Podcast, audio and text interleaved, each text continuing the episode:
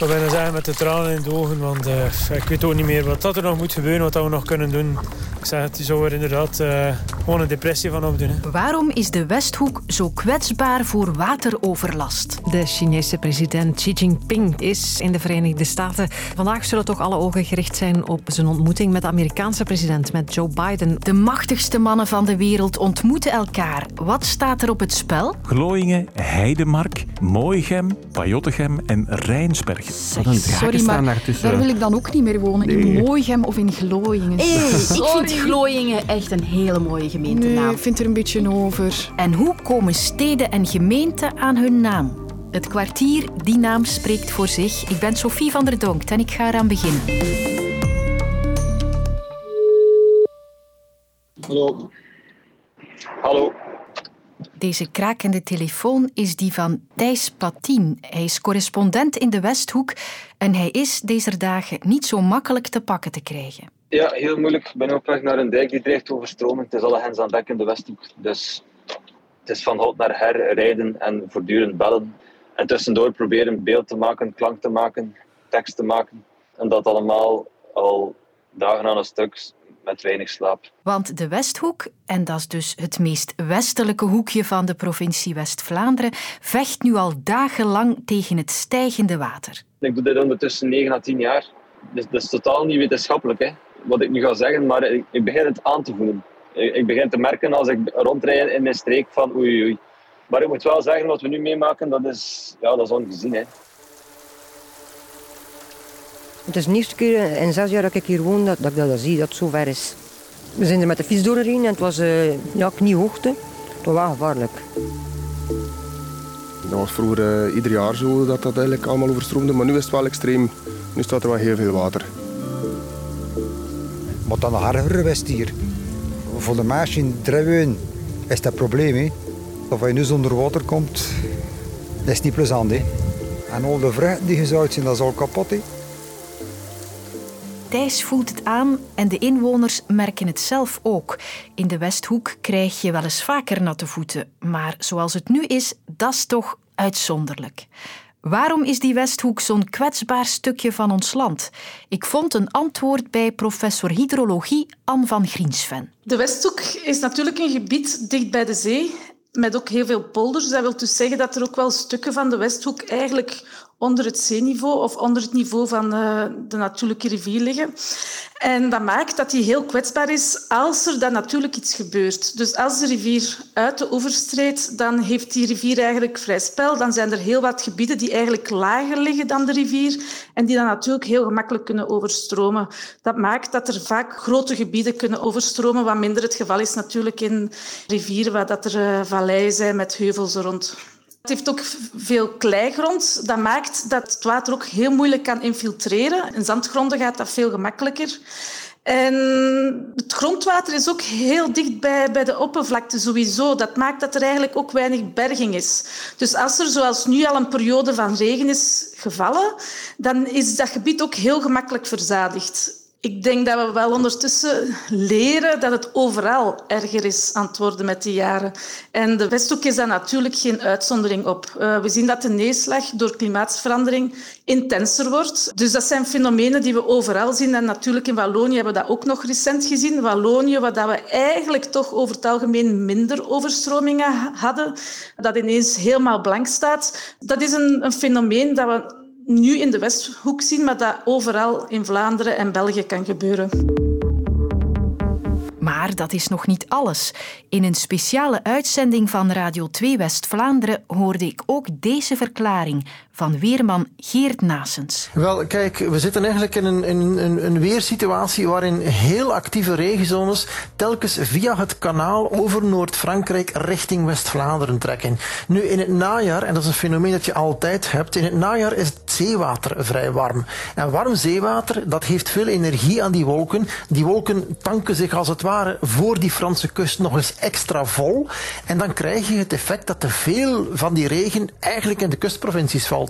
In dit geval is het in Noord-Frankrijk. Dus die vangen eigenlijk het gros van de regen op. Daar is de voorbije weken, de voorbije twee maanden eigenlijk, een, een 400 liter water per vierkante meter gevallen. Dat is de helft van de normale neerslaghoeveelheid in een jaar. Ja, en als het daar al zoveel geregend heeft, en dan regent het ook bij ons nog eens extra, ja, dan is dat een dubbel optelling en dan, dan krijg je natuurlijk problemen. De Westhoek heeft dus dubbel pech. Het landschap en de bodem werken niet echt mee en in dit seizoen zijn de wolken nog een extra boosdoener. En de ellende is nog niet voorbij. Ondertussen heeft de waarnemend gouverneur van West-Vlaanderen beslist om op verschillende plaatsen huizen te evacueren. Onze man ter plaatse zal dus nog wel even zijn handen vol hebben. Lukt het daar nog, Thijs? Het, het lukt voorlopig nog redelijk. Ik probeer nog altijd drie uur te slapen s'nachts, maar dat is niet simpel. En uh, we zullen hier pas wat, wat kunnen ademen als het hier eens minstens een week droog blijft. Als de Chinese en de Amerikaanse president elkaar nog eens in het echt ontmoeten, dan wordt dat met een vergrootglas bekeken. De Chinese president Xi Jinping is in de VS en de vorige keer was al zes jaar geleden, toen het blijkbaar erg gezellig was bij de Trumps. And we had the most beautiful piece of chocolate cake that you've ever seen, and President Xi was enjoying it. Met Trumps opvolger Joe Biden heeft de Chinese president nooit echt een fatsoenlijk gesprek gehad. En er is de laatste tijd nog wel een en ander gebeurd om ruzie over te maken. China heeft nieuwe militaire oefeningen gehouden na een onaangekondigd bezoek van Amerikaanse congresleden aan Taiwan. De Amerikaanse president Biden wil met zijn Chinese collega Xi spreken over de Chinese spionageballon die de Amerikanen uit de lucht hebben geschoten. De officiële handdruk bezegelt de bondgenootschap tussen president Poetin en collega Xi Jinping. Hey, dag Sophie. Over de moeilijke verhouding ga ik praten met Tom van de Wegen. Er zit meer dan één haar in de boter tussen Amerika en China en dat zorgt natuurlijk voor de nodige spanningen. Hij is in beide landen onze VRT-correspondent geweest. Eerst vijf jaar vanuit Peking tot 2012 en meteen daarna eh, vanuit Washington tijdens de tweede ambtstermijn van president Obama eh, tot Donald Trump verkozen werd in 2016 was dat, ja. Het wantrouwen tussen China en de VS lijkt zo groot dat de voornaamste doelstelling misschien is dat ze gewoon weer rechtstreeks communiceren. Ja, eh, inderdaad, dat de twee leiders vandaag weer met elkaar fysiek gaan praten, is op zich al goed nieuws, denk ik. Het is nog maar de tweede keer dat ze elkaar zien en normaal moest dat al eerder gebeuren. Eh, maar ja, daar heeft die vermeende Chinese spionageballon die Biden boven eh, de VS had laten neerschieten, een stokje voorgestoken eerder dit jaar. Misschien wel het meest verontrustende aan dat incident toen was dat Amerikaanse en Chinese militairen ja, gewoon niet meer met elkaar communiceerden. En, en dat kan natuurlijk tot gevaarlijke toestanden leiden, misverstanden of kleine incidenten kunnen escaleren natuurlijk. Dus die militaire communicatie zal nu naar alle verwachting weer hersteld worden. Maar het is al even bezig. Hè. Zeker onder Bidens voorganger Trump is die toon echt wel veel scherper, veel vijandiger geworden. Ondanks ja, de taart op Mar-a-Lago, zou je moeten zeggen. Met welke agenda komen ze nu op die afspraak aan? Willen ze niet gewoon dat hun land de grootmacht op aarde is? Ja, dus Amerika voelt zich langs de ene kant bedreigd, hè, omdat het die rol als wereldleider eigenlijk steeds meer is kwijtgespeeld de voorbije jaren. En ziet in China de grootste concurrent die Amerika naar de kroon wil steken. Niet alleen economisch, maar zeker ook technologisch en ook militair. Uh, China ziet dan weer in Amerika een bedreiging als een grootmacht in verval die er alles wil aan doen om de opkomst van China tegen te houden. Dus Amerika wil China vooral klein houden, zo denken ze in Peking. En beide zien elkaar dus als strategische concurrenten. En je ziet dat ze ook lijnrecht tegenover elkaar staan hè, om de koers van ja, de nieuwe wereldorde uh, te gaan bepalen. Als we dan ook eens kijken naar de oorlogen die nu woeden in Oekraïne en in Gaza, dan staan de VS en China ook niet aan dezelfde kant. Xi heeft een goede band met Poetin, steunt ook de Palestijnen in het conflict met Israël. Ja, ook zo worden die tegenstellingen weer heel zichtbaar. Ja, en als het dan gaat over die nieuwe wereldorde, zie je dat China zich steeds meer aan het opwerpen is als alternatief hè, voor de rest van de wereld. Dat eigenlijk ja, die Amerikaanse dominantie, of noem het ja, de Amerikaanse bemoeienis met heel wat zaken, gewoon beu is geworden. Hè. Uh, China is stilaan de leider geworden van het globale zuiden. Hè. Dat zijn vaak ontwikkelingslanden die zich de voorbije decennia verwaarloosd uh, voelen. Maar dat zijn ook landen die heel rijk zijn aan belangrijke grondstoffen. Hè. Denk maar aan zeldzame aardmetalen die gebruikt worden om de groene transitie mogelijk te maken in de strijd tegen klimaatopwarming.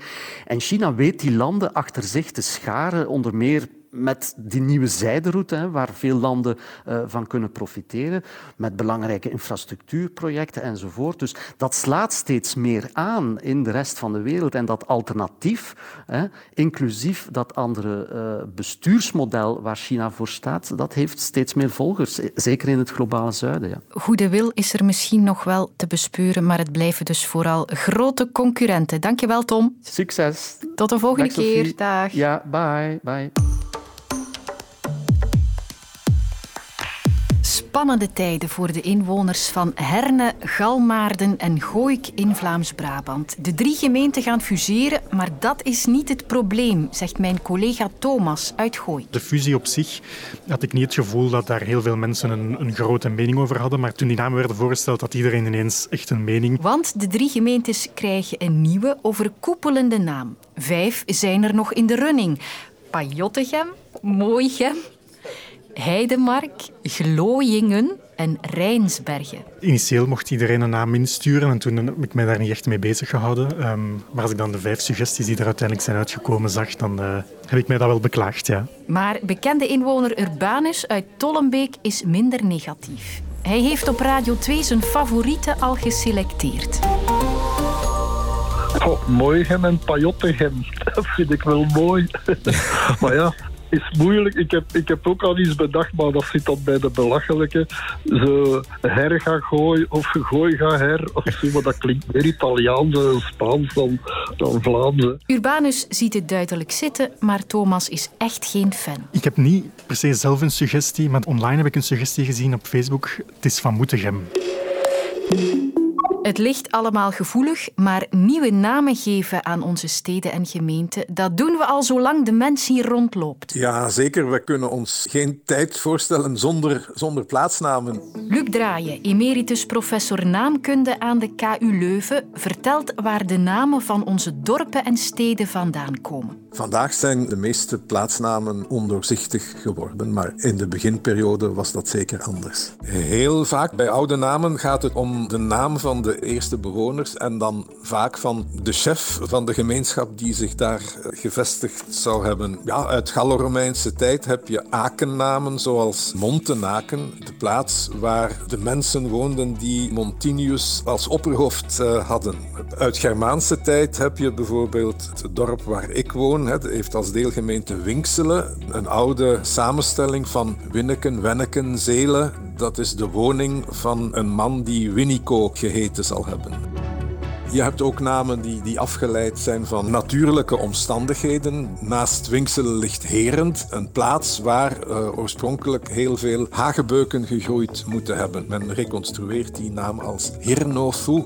Hirn, het, uh, het oude woord voor hagebeuk. Hasselt is vergelijkbaar. Hè? Dat is een plaats waar veel hazelaars gegroeid zullen hebben. Ja, wat, wat uh, Brussel betreft, dat is een zelennaam. Hè? Het tweede bestanddeel is het woord dat vandaag als zaal overleeft. Een woning die uit één ruimte bestaat en die gelegen is aan een broek, aan een moeras. Dus broek, zelen. Maar soms ging die naamgeving ook fout. Bijvoorbeeld Monteberg, dat is ook een interessante naam. Dat is eigenlijk een nonsensnaam, want die zegt twee keer hetzelfde. Het eerste element monte komt van montem, dat is het Latijns-Romaans, eh, de accusatief van mons, berg. En daar hebben Germaanse bewoners nog eens het Germaanse woord voor berg, berga, aangehangen. Dus de naam van Monteberg betekent eigenlijk bergberg. En ik kon het al raden, als naamkundige is Luc Draaien ook geen fan van de shortlist voor de nieuwe fusiegemeente. Nee, nee, nee, nee, nee, nee niet echt. Persoonlijk vind ik een vorm als Pajottegem ja, historisch een beetje vreemd, omdat dat zou impliceren dat daar ooit een man gewoond zou hebben die als naam Pajot of iets vergelijkbaars gehad zou hebben, wat natuurlijk eh, niet het geval is. Hè. Het ene is al origineler dan het andere. Persoonlijk zou ik er eerder voor pleiten om de nieuwe gemeente de naam van de grootste gemeente te nemen, maar de deelgemeenten uh, in hun eigen naam te laten voortbestaan, zoals dat bij de fusies van de gemeente in 1976 vaak gebeurd is. Hè. Maar uh, goed, ja, het is niet de taalkunde die zal beslissen uh, welke naam men geeft aan, uh, aan fusiegemeenten. En ik heb er ook niks over te zeggen. Morgen kiezen we wel weer drie nieuwe onderwerpen bij het kwartier. Tot dan. Nona is 16 wanneer ze haar papa verliest. Na de rouwstoet gaat iedereen verder, maar voor Nona staat het leven stil. In de beklijvende podcast Na de rouwstoet praat Nona van Brakel over hoe verlies in kleine dingen heel aanwezig blijft. Beluister hem nu op VRT Max.